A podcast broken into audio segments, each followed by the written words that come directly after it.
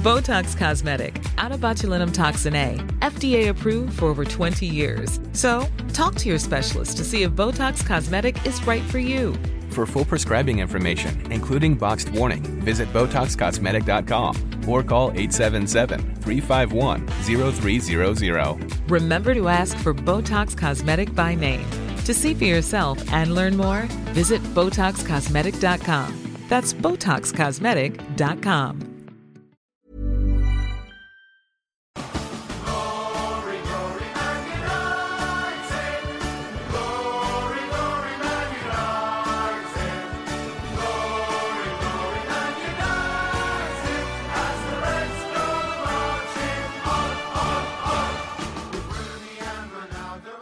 Halo pendengar ganteng-ganteng Manchester United, baik lagi bersama kita bertiga di podcast GMU. Pada kesempatan kali ini tepat setelah satu hari setelah bursa transfer musim panas ya 2021 itu ditutup dan ada banyak hal yang kemudian uh, bisa diskusikan terutama terkait dengan uh, tim kita atau tim MU uh, ceiling empat pemain uh, ins dan juga kemudian kita offload uh, beberapa main out dalam konteks loan dan juga permanen sell gitu kan. Dan beberapa orang bilang ini unexpected beberapa ada yang masih kecewa, beberapa bilang ini beyond dari apa yang dinanti-nanti gitu kan. Tapi kita pengen bahas terkait dengan overall apa yang terjadi dari transfer MU di musim ini dan gimana kita bertiga kemudian menilai sudah seberapa layak kemudian MU berhasil mengcapture apa yang menjadi kebutuhan dari kuat untuk mengarungi musim 2021-2022 gitu kan. Nah, gue mulai dari Alvin. Lu menilai pemain datang dulu, Vin. Empat pemain datang gitu kan. Kita banyak ngomong, ah cuma tiga tapi gue pengen hitung Tom Hinton juga sebagai apa signing kita yang pertama loh gitu kan. Apa yang lo bisa tangkap dari empat transfer bursa masuk yang sekarang masuk, Vin? Buat gue ini adalah salah satu bursa transfer terbaik ya yang dimiliki MU sejak mungkin post Fergie bisa dibilang. Yang mana sebenarnya Sejak Luis Van Gaal. Iya, iya. Tapi tapi gini, kalau yang Van Gaal kalau yang Van Hal itu, kalau yang uh, ada di Maria, Schneiderlin, Bastian Schweinsteiger, itu menurut gue lebih ke apa ya? Transfer yang lu tuh asal beli. Sorry to say ya, tuh Van Hal and uh, Ed Woodward pada saat itu. Cuma kayak mereka itu mendatangkan pemain yang penting datang aja gitu. Bukan sesuai profil yang diinginkan atau profil yang dibutuhkan oleh MU kayak gitu sih. Uh, di Maria flop. Hmm. Kemudian Schneiderlin di musim berikutnya di Mourinho nggak kepake gitu. Jadi yang tersisa hanya Luxo ya kalau nggak salah di di zamannya Van Gaal itu dan Anthony Martial mungkin ya gitu hmm. dan bisa dibilang ini adalah benar-benar yang terstruktur tertata rapi cuma memang problematikanya adalah kan terkait dengan harga biasanya. Dan juga kontrak yang pada akhirnya bikin harganya jadi tinggi. Contohnya Jadon Sancho musim lalu. Itu bikin kita akhirnya ber beralih ke Amat Diallo. Kemudian sekarang juga ada Declan Rice yang bikin kita sekarang malah stuck nggak beli siapa-siapa gitu. Andaikan Kamavinga itu mau ke MU itu udah di seal menurut gue sama kasusnya kayak Amat Diallo kayak gitu. Jadi menurut gue ini adalah transfer yang terbaik terutama transfer yang terakhir ya yaitu Cristiano Ronaldo. Itu menurut gue menjadi sebuah penutup manis dan seolah transfer Messi itu jadi nggak ada apa-apanya. Menurut gue sih kayak gitu. I see. Dan ngomongin Ronaldo gitu kan, banyak orang kemudian mengeluh-ngeluhkan kayak pas banget nih MU uh, menutup apa ya, uh, seolah mencoba membungkus gitu kan bursa transfer musim panas 2021 dengan mega mega signing gitu kan. Dan ngomongin Ronaldo, apa yang lu bisa tangkap Ung dari transfer Ronaldo ke MU yang akhirnya setelah 12 tahun dia balik ke ke rumahnya lagi Ung? Ah, uh, menurut gua transfer Ronaldo ini bonus sih bagi gua ya, karena uh, mungkin sepanjang musim ini dari tahun lalu mungkin oke okay lah kita hampir setiap musim selalu ada rumor dia akan kembali ke Manchester United gitu. Cuman tidak benar-benar konkret sampai dia memang sekencang itu kemarin ke Manchester City gitu. Jadi untuk Ronaldo sendiri is a very historical signing gitu ya. Sensational lah menurut gue pasti. Dan dirayakan dengan sebegitu hebatnya oleh fans-fans Manchester United. Cuman apa ya untuk sebuah klub ini sendiri I think ini ini bonus gitu. Menyambut apa yang Alvin bilang tadi gitu. Gue sih ini betul salah satu trans transfer window terbaik. Tapi masalahnya, MU itu tidak punya transfer window sehebat ini sejak kedatangan seorang Nemanja Vidic dan juga Patrice Evra, ya kan? Di bursa transfer Januari tahun 2005 kalau nggak salah ya. Yeah. Jadi secara bisnis, we've done it really well gitu. Bahkan uh, Ronaldo nya 5 apa 17 juta kita cicil 5 tahun gitu. Angka-angka seperti itulah yang yang kita bisa bilang secara bisnis eh, ini emang emang sangat baik gitu. Nah, menurut gue untuk untuk bilang bahwa transfer ini sukses itu cukup terburu-buru ya. I mean kita masih masih perlu lihat di akhir musim apakah dengan pembelian ini akan sangat-sangat signifikan terhadap apa yang kita capai. Jadi hopefully dengan bisnis yang sudah sangat hebat, credits to Matt Judge dan juga Josh apa John Murtoch, kita bisa mencapai apa yang kita inginkan sih, yaitu juara. Hmm. Berarti sih, ya, berarti bisa dibilang hmm. kalau kata Saung ini tuh kita transfer terbaik dari sisi apa ya? Mungkin menggait pemain ya, menggait pemain yang kita inginkan. Kita kita Betul. kan kita dapat semua. Cuma perkara hasil kayaknya emang belum bisa dibandingkan dengan yang lalu gitu kali ya. Betul, betul. Karena kalau misalnya kita ngelihat hasil masih kalah nih bahkan sama apa ya? Sama Robin van Persie gitu loh. Bahkan di zaman Fergie pun tahun 2012 itu menurut gua tuh signing apa ya? Transfer yang paling katrok sih menurut gua gitu. Kita beberapa kali dirumorkan datengin Eden Hazard yang datang malah Nick Powell gitu kan. Oke, okay, kagak. ya kan? Kagawa datang tapi sangat tidak beruntung gitu menurut gue karena uh, Sir Alex Ferguson akhirnya harus pensiun di, di pensiun di akhir musim. Salah satu yang sukses di musim itu kan Robin van Persie dan itu karena kedekatan dia juga dengan si Sir Alex Ferguson. Makanya gue bisa menarik ke belakang yaitu di masa Nemanja Vidic dan Patrice Evra di mana apa yang sudah mereka capai di tuh musim yang mereka lalui gitu. Ini ini salah satu yang terbaik sih. Iya iya iya meskipun kalau misalnya kita bicara transfer Vidic dan Evra itu kan kita belum mencapai apa-apa bahkan ya. Maksudnya transfer pada saat itu ketika datangin kedua pemain itu itu biasa aja sebenarnya karena ya mereka itu pemain out of nowhere. Evra dari Betul. Uh, Prancis, Vidic gue lupa ya dari dari mana yang pasti Liga Serbia kalau nggak salah. Red Bull something atau apa gitu ya saat itu di Liga Serbia hmm. betul. Iya iya uh, jadi jadi emang nggak ada ekspektasi dan kita nggak membayangkan apa-apa gitu tapi ternyata impactnya gitu itu mungkin ya yang dibilang transfer tersukses ya kalau dari segi hasil ya. I see. Dan banyak orang kemudian balik lagi ini terpecah gitu. Ada yang orang ngerasa kayak oke okay lah dengan Ronaldo kita kemudian mendatangkan seseorang yang dirasa bisa jadi salah satu magnet secara uh, merchandise, marketing, secara yeah. mungkin kita bisa punya jaminan minimal satu piala ciki datang lah gitu kan ke rumah gitu kan. Tapi yang kemudian jadi perbincangan adalah di hari-hari terakhir gitu. Yang di mana kemudian kita berharap MU making another signing dengan kemudian asumsinya kita ngejual salah satu pemain kita ya Daniel James yang penuh dengan pro kontra akhirnya terjadi gitu. Nah ngomongin masalah pure yang kemudian masih kita cari nih, the, missing piece dari DM, apa yang sebenarnya lu lihat dari proses transfer yang panjang ini, Vin? Iya, kalau misalnya harapan fans ya, sebenarnya kan kita maunya dalam satu transfer window itu tertutup semua ya, lubang-lubang yang ada di squad kayak gitu. Cuma masalahnya balik lagi ke dana yang ada dan juga bagaimana pemilik ini mau menguncurkan dananya gitu. Dan seperti yang kita baca juga di berita kalau ternyata memang Ole dan pihak manajemen ini memang membagi proyek ini ke dalam beberapa ini ya beberapa bukan sequel ya tapi beberapa transfer window gitu. Musim ini kita fokus ke CB sayap kanan dan kemudian terakhir itu adalah bonus. Dan musim depan itu fokusnya kepada striker dan juga defensive midfield. Itu udah direncanakan sebenarnya. Bahkan nama Erling Holland pun sudah mulai di blow up ya oleh media bahwa itu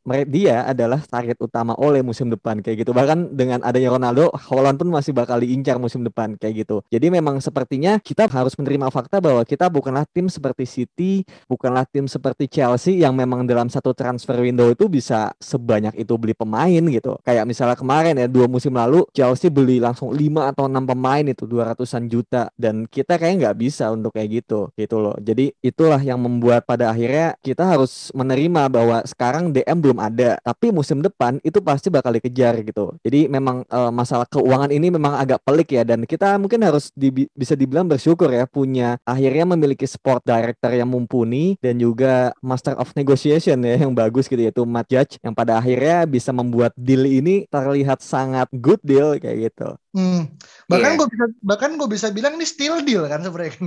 bahasa ini ya bahasa anak-anak thrifting tuh ya M itu still deal lah sekarang lah gitu kan dapat dapat tiga orang. Gimana Om? Menurut gue sih kita bener berkata kita berbeda dengan Chelsea dan City yang mungkin ownernya tuh apa ya ibaratnya punya say yang sangat-sangat besar gitu. Misalkan gue gue pengen pemain ini nih gitu. Abramovich pengen Lukaku datang gitu atau Syekh Mansur pengen uh, Grilis atau Ken datang gitu. Nah, bersyukurnya adalah saat ini gitu berbeda dengan zaman zaman Van Hal ataupun zaman Moyes dan Mourinho, Ole itu punya keyakinan dan tekad yang kuat untuk pilihan nomor satunya sih. Dan ini juga dibarengi dengan klubnya dia dengan sporting director dan juga direktur footballnya gitu, which is Matt Judge dan juga Darren Fletcher dan juga uh, John Murtough. Dalam artian untuk untuk final piece yang hilang ini, emang Ole itu pengennya nasi, nggak mau bubur kacang hijau gitu loh. ya kan?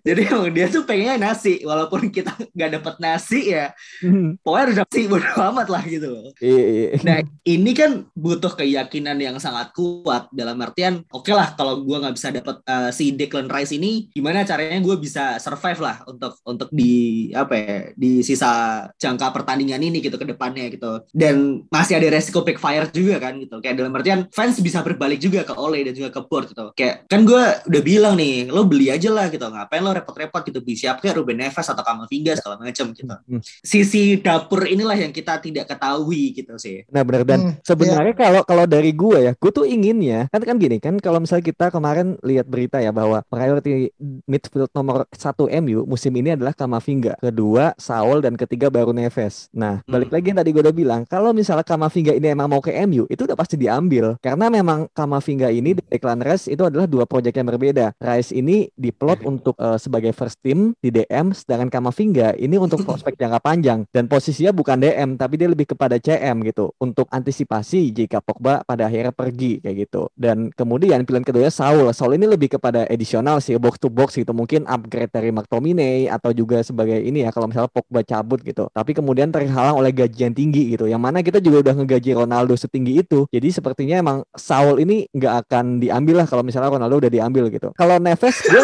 gue nggak tahu ya kenapa kenapa Ole nggak mau Neves. Karena kalau pandangan pribadi gue sebagai fans, gue malah pingin lu bawa Neves sekarang, nanti musim depan lu beli Rice lagi kayak gitu loh. Karena Neves ini nggak hitungannya sebenarnya itu nggak mahal. Dan kalau misalnya ternyata Iya. nanti kita udah punya Neves, punya Rice, itu bisa dijadikan apa ya rotational player gitu loh. Dan mungkin nanti ke depannya Fred yang bakal dijual kayak gitu, Iya kan? Karena dari Mhm. sisi kualitas mungkin Fred adalah yang paling apa ya, paling kurang lah dari sisi yang offensive football ya. Di, dia kalau kita kita menyampingkan kerja kerasnya dia gitu. Jadi kayak kita lihat aja gini di City, ya kayak Gundogan aja dua musim lalu jadi cadangannya David Silva, Bernardo Silva jadi cadangannya Mahrez, masih ada Sterling, sekarang Grealish gitu. Jadi tim-tim papan atas ini benar eh, paling gampang Chelsea coba, Hakim Ziyech ke mana coba, Timo Werner, cadangan semua men kayak gitu. Jadi kita benar-benar kalau mau juara kita butuh squad yang kayak gitu. Itu menurut gua. Jadi gua sebenarnya berharap musim ini beli Neves, musim depan beli Rice juga kayak gitu. Cuma kan balik lagi yang dibilang sama Saung tadi bahwa kita mungkin nggak tahu dapur ya. Kita taunya oh kemarin habis jual Daniel James 30 berarti kita bisa beli Neves tambah 10 juta. Mungkin nggak gitu hitung-hitungannya ya gitu. Gua nggak tahu ya dengan adanya installment dan cicilan-cicilan ini sebenarnya kita udah nggak bisa hitung apa ya cash by cash lagi sih menurut gue. Ya, Ya, ya. atau gak, atau kalau nggak harusnya loan aja sih men si Neves ini macam eh, siapa namanya Carlos Tevez loan ke dari West Ham kan ngomongin Chelsea Chelsea aja pernah beli Filipe Luis habis itu dijual lagi ke Atletico anjir habis menang ya kan memang apa ya bisnis tuh harusnya seperti itu gitu loh. Kalau untuk lo pengen juara tuh ada hal-hal yang harus dibayar sih menurut gua gitu. Cuman ya sekali lagi apakah Ole ini emang pengen punya situasi squad yang kondusif gitu? Dalam artian eh, dia tidak ingin mengulangi kesalahan para manajer sebelumnya gitu yang asal beli aja ataukah memang ada alasan-alasan lain gitu? Mungkin seperti uh, manajemennya atau seperti uh, salary dan segala macamnya Ya. gitu. Hmm. tapi kalau misal Kamavinga gue justru setuju main dia ke Madrid. Karena Madrid ini kan sekarang jadi tim batu loncatan ya. Hmm. kita kita kan bisa melihat Rafael Varane di usia-usia peaknya tuh malah ingin bermain dengan Manchester United gitu loh. Jadi biarin aja lah dia sekolah di sana gitu kan bersama dengan eh, Toni Kroos dan juga dengan Luka Modric dengan Casemiro gitu. Ibaratnya biarin aja dia sekolah kalau udah jago baru eh, kita ambil lagi gitu. Macam Pogba yang sekolah sama Marchisio dan Pirlo gitu sih. sih. Oke oke. Nah itu uh, ngomongin Ronaldo, Kamavinga, apalagi Kamavinga ya yang tidak pernah terjadi dan semoga apa yang Saung bilang tuh bener ya. Semoga ya baik lagi uh, Madrid ya sebagai sekolah dan kita akhirnya sebagai pelabuhan terakhirnya. But we never knows the future gitu kan. Nah gue pengen tertarik ngobrol terkait dengan pemain yang di offloads lah gitu kan. Yang mana mungkin ini kita sebenarnya udah cukup paham ya kalau pemain ini mungkin dirasa uh, tidak cukup secara kapasiti dan juga secara capability mungkin dirasa agak cukup jauh dari apa yang kita harapkan tapi secara work work rate ethics dia menurut, menurut gue pribadi pemain yang bisa diandalkan pada posisi tertentu tertentu gitu kan. Di mana itulah Daniel James. Baik orang kemudian pros, baik orang cons. Lu sendiri Vin menganggap kepergian James lebih kepada hal yang kemudian memang dibutuhkan buat perkembangan dia atau lebih kepada pure ini egoisnya MU untuk setelah dia dapetin Ronaldo akhirnya harus buang satu main dan akhirnya James adalah korban kayak gitu. Lebih ke yang kedua sih menurut gua. Karena kalau nggak datangin Ronaldo, itu James masih bakal bertahan kayak gitu. Jadi memang nggak ada plan buat kasar yang ngebuang Daniel James kayak gitu. Cuma pada akhirnya kita ini ini dari dari berita yang kita kita baca ya bahwa setelah Ronaldo datang itu MU harus mengurangi attacker satu atau dua untuk yang memberikan tempat kepada Ronaldo terlepas itu dari masalah gaji ataupun dari masalah posisi kayak gitu. Ini aja Rashford aja nggak tahu mau main di mana. Martial juga gitu. Belum Daniel James gitu. Jadi sebenarnya bukan egois juga sih. Cuma MU ini menurut gue baik kayak mungkin kayak nawar ke James. Ini ada Ronaldo, masih ada Cavani, si A, si B, si C, si D. Lu kira-kira mainnya bakal segini nih. Mungkin di Piala Carabao yang yang apa ya matchnya mungkin cupu-cupu banget lah lawannya gitu. Lu mau nggak kayak gitu. Dan mungkin James juga mikir-mikir gitu. Daripada gua nggak main, mending gue pindah kayak gitu. Dan kebetulan Leeds ini mau sama James kan dari musim lalu dan Brighton juga sebenarnya. Dan dari situ pada akhirnya ya udah sama-sama enak sih menurut gue MU akhirnya bisa melepas pemain Leeds juga lagi butuh pemain dan James juga akhirnya dapat menit bermain menurut gue itu win-win solution nggak ada yang nggak ada yang ini nggak ada yang dirugikan sih menurut gue Hmm. Setuju, setuju. Dan kalau Lingard kayaknya dia emang pengen nongkrong bareng Ronaldo aja sih. Dia, dia punya kesempatan yang sangat panjang loh sejak awal berusaha transfer kan. Untuk dia bisa aja gitu force pindah ke Ham gitu. Maksudnya berapapun Ham mau bayar dia tuh bisa gitu. Cuman mungkin dia juga masih galau gitu. Dalam artian setelah apa yang dia lakukan di Ham mungkin dia punya apa ya dia merasa punya kapabilitas untuk membantu lah gitu. Si MU ini untuk untuk ke depannya gitu. Karena mungkin dia melihat bahwa potensi tim ini akan bermain dengan sangat banyak games gitu. Dan dia punya bisa punya andil di situ gitu. Dan mungkin dengan kedatangan Ronaldo ya akan sulit bagi dia untuk pindah kan. Jadi kayak keputusan untuk menjual Daniel James itu instead of Jesse Lingard menurut gue secara bisnis itu sangat bagus. Dan secara karir pun Daniel James juga sangat-sangat menurut gue worth it lah. Saat itu dibeli seharga 20 juta kalau nggak salah ya. 15 Hmm. 15 juta pounds sangat-sangat worth it gitu. Dia tidak pernah bersuara apa pun gitu ya. Dan tidak pernah menurut gue sih secara performance wise ya oke lah gitu. Tidak tidak yang parah banget gitu loh Hmm, hmm, hmm. Hmm. wish you wish him luck lah men hopes Leeds kalah terus tapi Oke oke oke oke uh, Daniel James gue merasa bahwasannya banyak orang yang sedih gitu kan dan beberapa bahkan influencer Indonesia pun akhirnya menyayangkan kenapa harus James dulu kenapa nggak akhirnya let's say Anthony Martial dulu kan itu yang sebenarnya yang jadi polemik gitu karena kita tahu bagaimana kemudian sulitnya menjual atau bahkan offload uh, Martial karena permasalahan gaji yang Iya. di mana dia ini sekarang pemain dengan gaji tertinggi kelima di MU Iya. uh, di bawah dari apa namanya Jadon Sancho, De Gea dan juga Ronaldo dan Rafael Varane Oh, Rafael Varane bener kan. Masalahnya agennya sendiri pun si Mendes bilang it's complicated gitu kan. Banyak orang bilang iya sekomplikasi kita ngeliat permainan dia gitu loh. Oke oke oke. Nah uh, bursa transfer udah tutup gitu kan dan kita nggak bisa berharap lagi dan pun kalau kita buka lagi di bulan Januari, I don't think there's much things that will apa ya running ya karena gue nggak yakin oleh tipe orang kemudian akan membeli pemain di bulan Januari unless kayak Bruno Fernandes ya yang tuh udah emergency rescue gitu kan di mana kita bisa berharap di tahun depan gitu. Dengan kedalaman squad sekarang pemain yang pindah dan pemain yang bertahan sekarang berapa nilai yang lu bisa kasih Vin untuk untuk manajerial MU dan juga berapa ekspektasi core yang bisa lu berikan kepada fans MU dengan apa yang kita punya sekarang? Ah susah nih. Gua bakal kasih nilai realistis realistis. Aduh, gue tuh masih merah kayak apa ya? Gue takut bias gitu loh melihat kedatangan Ronaldo, kemudian itu bakal menghancurkan penilaian objektif gue gitu. Cuma oke lah kalau misalnya ini masih benefit of the doubt juga ya. Jadi gue kasih tujuh setengah. Sorry to say.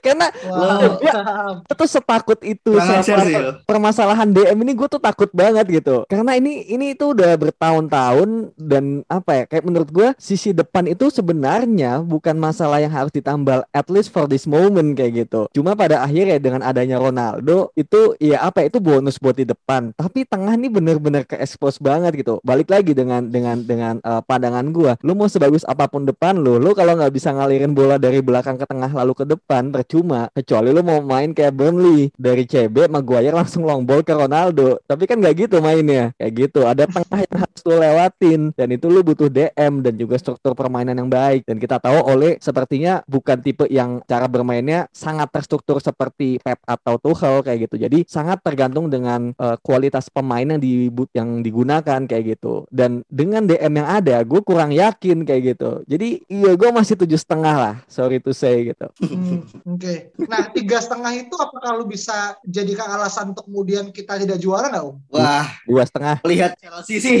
Oh, melihat dua setengah, dua setengah. Iya, melihat Chelsea sih kita harus takut ya Nggak maksud gue sekarang kandidat juara tuh lebih lebih condong ke Chelsea sih. Secara realistis, apa yang Alvin bener apa bilang tuh benar kita. DM ini memang masalah yang sangat-sangat sebenarnya tuh priority gitu loh. Harus harus segera diselesaikan gitu. Bahkan kita aja ganti Ronaldo aja beli Ronaldo lagi.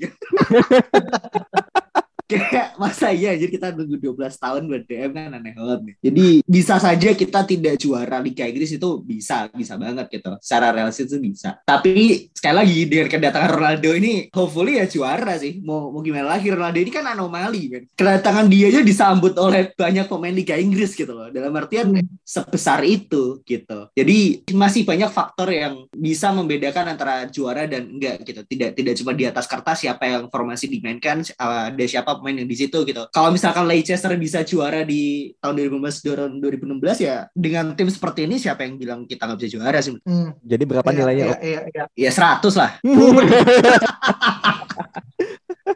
Aduh. Nah, terus lah. Tadinya, tadinya gue mau kasih ya 8 lah gitu, bro. Karena kita kayaknya tidak bisa menjual pemain ya saking katroknya gitu. Manajemen kasih gaji yang ketinggian gitu. Hmm, hmm. Tapi melihat akhirnya Daniel James bisa keluar dengan harga yang cukup fair dan juga banyak pemain muda yang bisa di loan gitu ya. Dan juga dengan kedatangan pemain yang akhirnya kita beli itu bukan cuma buat duduk di bangku cadangan gitu sih menurut gue. Ya. Sancho, ya. Varane, Ronaldo itu jelas tidak akan duduk di bangku cadangan. Jadi this is a very very good start dan gue sih expect untuk musim-musim ke depannya MU akan seperti ini sih kayak hmm. karena this is how big clubs behave beli pemain yang emang lo mampu beli dan bisa lo mainkan gitu bukan yeah. cuma untuk semata-mata menyenangkan fans aja gitu oh, nih kita beli pemain gitu tidak seperti klub-klub yang lain gitu sih hmm. Hmm. kalau gue nilai jujur gue mungkin agak sama kayak Alvin ya mungkin ya angka tujuh setengah sampai 8 lah gitu gue masih kemudian masih merasa ada unfinished business yang dimiliki oleh MU ketika kita bolong secara secara permainan tengah gitu kan. Dan kita tahu betapa sentralnya posisi DM dengan formasi yang kita pengen pakai gitu kan. Kecuali ya kita menggunakan formasi yang 4-4-2 gitu kan. Menurut hmm. gua oke okay lah gitu kita menggunakan pemain dari sayap kayak hmm. balik ke zaman dulu gitu kan. Tapi dengan kita sekarang mau menggunakan utilisasi Pogba dan Bruno sebagai AM gitu kan dan lu meninggalkan Fred sebagai satu-satunya orang yang akan menjaga pagar tengah lu sebelum akhirnya masuk ke dalam uh, defense uh, lain gue nggak yakin itu sebuah hal yang bijak gitu loh. Dan gue lebih kemudian memilih memilih kalaupun menggunakan empat yang empat tiga tiga dua AM DM gue tetap akan lebih cenderung ke Scott McTominay sebenarnya sih ketimbang Fred ya. Meskipun atributnya lebih cocok ke Fred tapi somehow gue nggak bisa ngeliat nih orang kemudian bermain di level tertinggi sih untuk saat ini ya gitu kan. Dan semoga Fred mendengar podcast kita dan dia akhirnya muhasabah diri kan. Oh ya bener nih jawab gitu kan. Gue harus bertindak lebih baik lagi uh, tapi gue nggak yakin ya uh, dia punya apa high ceilingnya tuh gue gak tahu setinggi apa gitu kan. Dan semoga dia hmm. mendengarkan apa kata pastor ya. Dia kan disebut dengan Pastor Fred kan dan semoga hmm. dia menjalankan fungsi dengan baik sih menurut gue itu sih Vin iya iya iya uh, oke okay. gue gua mau satu pertanyaan cepat aja sih ke Saung dulu ke umum dulu ya misalnya kita di universe lain ya kita itu mendatangkan seorang DM entah itu Rice atau Neves tapi intinya kita mendatangkan se sebu uh, seorang DM yang mumpuni lah untuk mengawal ini tengah kita untuk bertahan ataupun menyerang tapi Ronaldo ke City lu pilih mana Ung? Wah ya pilih Ronaldo ke MU lah bro I'm, I'm here for a good time bro not for a long time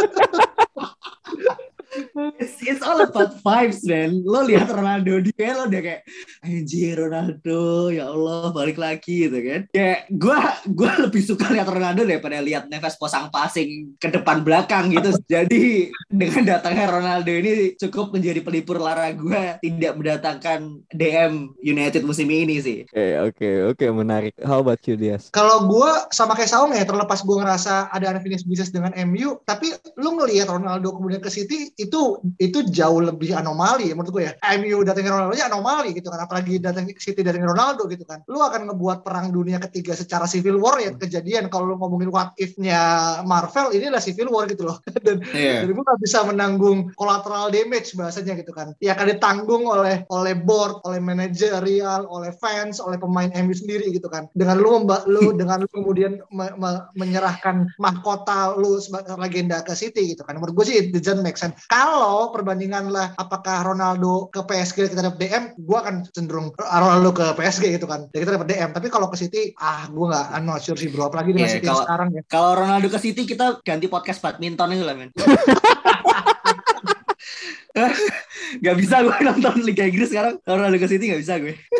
Dan dan sound bener karena tadi barusan gue cek bahkan pemain DM yang jarang kita uh, dilingkan ya tapi dia menurut gue satu hal yang satu orang yang kemudian cocok Yves Bisoma pun di IG story-nya welcome Ronaldo bro. Maksudnya hype-nya sebesar itu gitu loh. Dan ratingnya Liga Inggris ketika Ronaldo balik ke MU akan jauh lebih tinggi dibandingkan Ronaldo datang ke City gitu loh. Dia akan tinggi gitu kan karena as a brand. Tapi lu sebagai fans dari Chelsea Liverpool Arsenal pun lu akan seneng gitu loh. Kemudian lu punya lawan yang akhirnya sepadan gitu ketimbang lo membiarkan Ronaldo ke situ menurut gua it doesn't make sense sih secara logika aja kayak gitu. Hmm, hmm. Iya, Iya. iya. Bahas transfer banyak hal yang bisa dikulik gitu kan dan aku ya gue ya kita yakin teman-teman pun punya banyak opini juga dan silakan kalau teman-teman yang punya opini berbeda, pandangan yang mungkin bertabrakan dengan apa yang kita sampaikan silakan mention kita aja dan kita ajak diskusi teman-teman di @ggmi podcast dan kalau ada kritik saran silahkan juga disampaikan jangan lupa di follow uh, Spotify kita di podcast GGMU dan sampai jumpa pada pertemuan